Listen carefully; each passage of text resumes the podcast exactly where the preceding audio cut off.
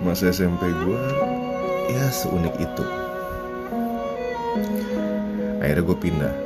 Setelah gue pindah SMA tepatnya di Jakarta Pusat waktu itu ya sekolah gue bokap nyokap gue juga akhirnya memutuskan untuk pindah rumah. Yang tadinya yang gue bilang itu di Tangerang Ciledug ya kita akhirnya pindah ke Jaksel. Ke dari anak Jaksel nih ya ceritanya gaul Jaksel yang bisa dibilang um, banyak hal yang terjadi di saat itu. Banyak banget hal terjadi di saat itu. SMA yang ternyata bener kata orang SMA itu waktu yang paling tepat untuk belajar jadi dewasa. Gue nggak tahu kalau dari lu ya. Kalau gue memang hal itu yang membuat gue punya banyak pelajaran yang bisa gue ambil di kehidupan itu khususnya pas SMA kelas satu SMA ya sama halnya kayak waktu itu dulu gue pas masuk itu ada yang namanya ospek. Lu tau ospek kan? Orientasi siswa gitu. Itu kita sebetulnya itu lo bahasa halus untuk per perpeloncoan kalau kata orang. Pembulian anak-anak baru ya kalau gue dulu di sekolah gue ya persis pakai baju kemeja putih celana hitam terus gue pakai apa namanya papan tulis segede gaban tulis saya anak jin gitu kan dari timur tengah. Terus gue pakai topi yang segala macam pakai centong nasi lah wah pakai apa namanya bakul nasi pakaiin wortel segala macam wah aneh banget deh. Gue ngerasa cupu banget waktu itu ya. Karena memang itu yang dilakukan oleh kelas kelas kita gitu loh. Anak kelas 2 sama anak kelas 3 yang jadi tim OSIS dan para panitianya lah yang ngerjain kita. Tapi ya gue ber, ya gue berpikir waktu itu sekolah itu memang wajib. Waktu itu gue sampai mikir aduh gue males banget ikut kayak gituan gitu ya. Kayak ngerasa harga diri tuh nggak ada gunanya gitu. Kayak kita diinjek-injek banget harga diri sama kakak kelas gitu.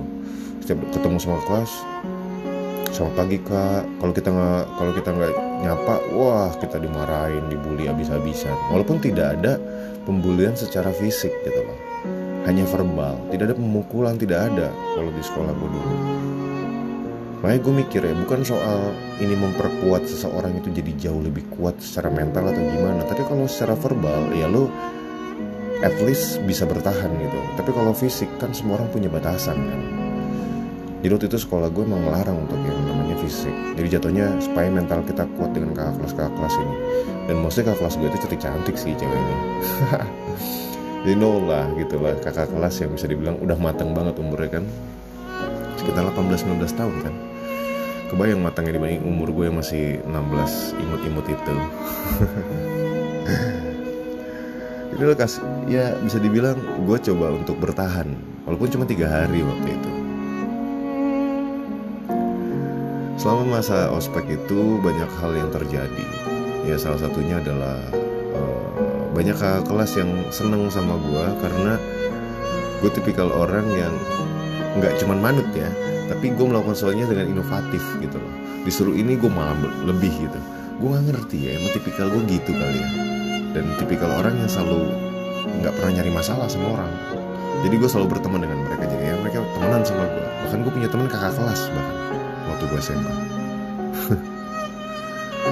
salah satu SMA yang bilang terlalu dewasa. Gue udah bilang cara berpikir gue terlalu dewasa. Tapi gue waktu itu belum sadar gitu. Jadi yang gue pikirin adalah apa pun yang gue lakuin ya setidaknya gue bisa bikin survive dulu gue selama gue di sekolah. Ya alhamdulillahnya selama gue sekolah di kelas 1 ya gue tetap ranking. Walaupun gue sebetulnya nggak pernah belajar dari dulu ya dari SD SMP itu gue nggak pernah belajar dibilang cerdas juga gue bilang gue nggak cerdas cerdas amat kok. Cuman gue adalah tipikal orang yang selalu memperhatikan dari gestur. Jadi contoh misalnya lu diajarin sama guru sejarah gitu ya. Misalkan kapan lah kapan kemerdekaan Indonesia gitu ya. 17 Agustus 1945 jadi pada saat dia nulis seperti itu gue inget gesturnya dia gue inget fisiknya dia ketika dia lagi tulis guru gue itu lagi nulis. Pertanyaannya jawaban itu jadi ketika ulangan gue tiba-tiba muncul aja gesturnya dia ketika dia lagi nulis itu. Dan gue langsung tulis jawabannya. Jadi itu yang sebetulnya ngebuat gue agak unik. Padahal gue gak pernah belajar. SKS enggak. Gue gak pernah belajar. Nyokap gue suruh gue belajar bokap gue suruh gue belajar. Setiap dia masuk kamar dia ngeliat gue belajar pakai buku pelajaran. Tapi dalamnya komik bro. Itu teknik gue supaya gue tetap baca komik tetap fun hidup gue tanpa gue harus mikirin gue harus belajar masa kecil yang bahagia gue menurut gue waktu itu sampai gue sering nontonin film-film kartun nih kan kalau lu pada tahu kan Doraemon, Detektif Conan dan sebagainya macamnya yang kita tungguin setiap hari Minggu. Buat lo anak-anak tahun 90, 89, 88 mungkin lo tahu lah. Mungkin lo anak-anak lo yang baru, anak-anak baru mungkin agak sulit ya. Tapi itulah kenikmatan hidup di tengah-tengah masa peralihan antara teknologi dengan non teknologi karena dulu kan non teknologi banget. lanjut ke SMA gue kelas 1 gue meraih peringkat yang baik peringkat satu. Dan akhirnya gue masuk ke IPS jadi waktu itu kan ada dua uh, di sekolah gue kan ya sama ke sekolah-sekolah yang lain ya. Ada pemilihan jurusan itu IPA dan IPS cuman ada dua waktu itu kalau IPA itu ilmu pengetahuan alam yang basisnya pasti matematik, kimia, fisika, yang hitung-hitungan lah gitu ya, eksak. Sedangkan gua waktu itu keterima sebetulnya untuk IPA tapi otak gue tuh lebih memilih untuk IPS karena anaknya gaul-gaul. Coba lu bayangin ya lu masuk ke IPA yang tiap hari kerjanya belajar diem jarang nongkrong. Itu bukan gue banget lah. Gue tuh anak yang mau coba untuk bergaul karena temen gue banyak di IPS ya gue mau masuk IPS sampai gurunya nanya Rezi kamu yakin mau masuk IPS katanya. Iya. Kamu bisa IPA loh saya nggak mau. Nanti daripada saya nggak bisa saya nggak naik kelas saya nilainya jelek mendingan saya masuk IPS bu. Ya udahlah nyokap gue nggak bisa ngomong apa-apa lagi akhirnya gue masuk IPS IPS adalah sebuah kelas yang bisa dibilang paling riuh dan paling ribut dari semua kelas yang ada kan lo tau sendiri lah kelas IPS itu adalah kelas orang-orang yang kerjanya cuma nongkrong ngumpul bahkan dia nggak punya tujuan hidup pun ada di situ. Yang sering kabur ya gue pernah lah ngelakuin kabur-kaburan madol-madol gitu ya badung-badung gue walaupun gue badung gitu tapi itu gue tetap ranking gue nggak paham untuk sekolah. Konsepnya gimana nih anak Badung masih aja bisa. Bahkan gue pernah waktu itu ke gap ngerokok. Gue pertama kali ngerokok itu SMP SMP kelas 3 sebetulnya cuman gue diem diem kan. Sampai ke gap lagi kelas 2 SMA, eh kelas 1 SMA tapi gue tuh ranking. Bingung kan lo gue juga bingung. Jangan kan lo gue aja bingung. Jadi ke gap juga lucu gitu ya. Gue punya geng kan. Geng gue tuh geng anak-anak motor. Di sekolah gue tuh bisa dibilang anak-anak tajir lah gitu ya. Kebagi dua kubu yaitu geng anak motor sama geng anak mobil. Geng anak mobil ini nongkrongnya kafe-kafe kan yang banyak duit nih pakai mobil-mobil semua tuh mobil mewah gitu kan. Waktu itu emang sih. Gue belum boleh bawa mobil karena waktu itu masih 16 tahun kan jadi waktu 16 tahun itu sebenarnya kita udah bisa punya SIM C. Jadi gue udah punya SIM C dan gue bawa motor ke sekolah. Ya karena gue pakai motor gue gabungnya sama anak motor lah anak geng motor yang nongkrongnya di warung kerjanya kerjanya cuma nongkrong nongkrong nggak jelas gitu ya. Tapi mereka hidup dengan secara sederhana walaupun mereka sebenarnya orang kaya. Itu lagi tuh kehidupan dan decision yang gue ambil. Ada sedikit perubahan di hidup gue gue nggak gabung sama anak-anak yang fancy gue nggak gabung sama anak-anak yang hidupnya dengan kekayaan orang tua tapi gue hidup dengan teman-teman gue circle-circle gue yang mau badung gitu ya bisa dibilang emang malas dan segala macam. Tapi mereka humble dengan kehidupan sosialnya. Itu yang gue pelajari waktu gue masuk geng motor ini.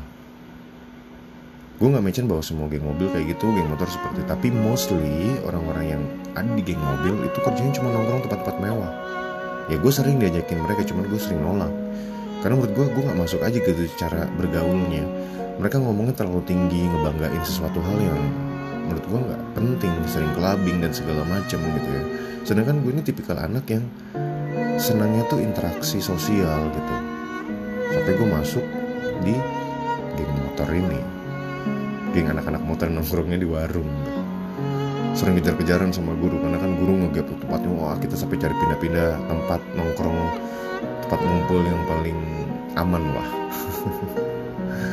lucu lah waktu itu waktu SMA kelas 1 bahkan waktu itu juga jadi di sekolah gue itu kan diapit sama dua sekolah negeri yang sering banget tawuran gue di Jakarta yang sering banget gitu ya tawuran SMA 6 sama SMA 70 tuh Itu sering banget tawuran.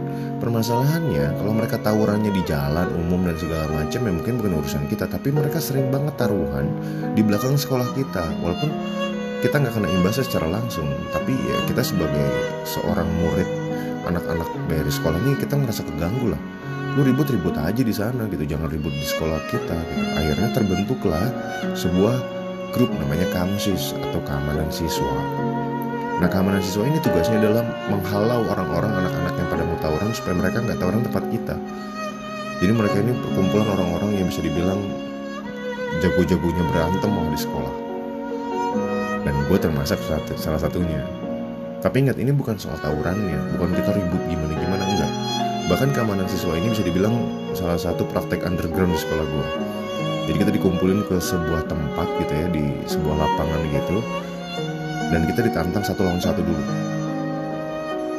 Boleh mukul apa pun asal jangan mukul muka jangan mukul kemaluan. Dan jangan sampai bikin mereka berbekas. Jadi kita berantem bener-bener purely satu lawan satu dan yang menang itu officially jadi keamanan siswa. Kebetulan waktu itu kan gue pernah dari SMP kan gue udah karate ya. Kebetulan ban gue di karate juga ban coklat. Gue stop tuh waktu itu karena gue ngerasa udah capek gitu ya. Ya gue berhasil jadi komunis karena gue menang dengan karate gue dulu. Nah itulah masa-masa gue waktu SMP kelas 1 di mana masa yang bisa dibilang suram mengenal tentang pertemanan circle-circle yang unik-unik. Ya itu waktu gue SMP eh, SMA kelas 1 sorry tapi di dalam circle gue ada circle lagi. Di luar circle gue yang sering nongkrong itu gue punya circle lagi lima orang. Di circle gue ini adalah circle anak-anak yang ya bisa bilang suka hangout ke mall suka jalan-jalan. Sering nongkrong juga cuman circle ini lebih seneng membuat hal, random gitu ya. Mungkin dari SMA gue udah mulai random sih. Nggak ngerti gimana gue bisa join sama mereka tapi mereka jadi sering ngumpul sama gue mereka paling sering datang ke rumah gue mereka sering jemput gue kita nongkrong ke mana sampai kita nginap di villa di puncak rame-rame berlima inilah Salah satunya adalah temen gue yang sering bawa mobil. Yang ngapain kita panggil namanya Reza lah. Si Reza ini sering banget bawa mobil karena dia satu-satunya anak satu-satunya dari bokapnya. Yang nyokapnya udah nggak ada, dia tinggal hidup berdua sama bokapnya doang. Dan bokapnya ini bisa dibilang kaya, pengusaha, plus dia juga tamatan UI kan, pengusaha, tamatan UI, terus bisa dibilang ya semua hartanya dikasih ke buat si Reza ini lah. Mereka tinggal berdua doang. Dan Reza ini jadi teman kita karena ya dia adalah orang paling kaya awalnya kan. Dan nyambung aja gitu circle frekuensinya nyambung. Pertemanan circle yang bisa dibilang sangat unik karena dari berbagai macam latar belakang yang berbeda ditambah lagi lima orang ini nih termasuk gue ya itu ya punya kerendaman yang sama. Kalau nongkrong tuh yang penting nongkrong aja. Dan kita tipikal orang yang punya pikiran iseng-iseng gitu loh. Kita nggak pernah ngejain orang tapi kita suka bikin uh, sesuatu hal tentang kelompok kita gitu. Nanti gue akan ceritain untuk nextnya circle pertemanan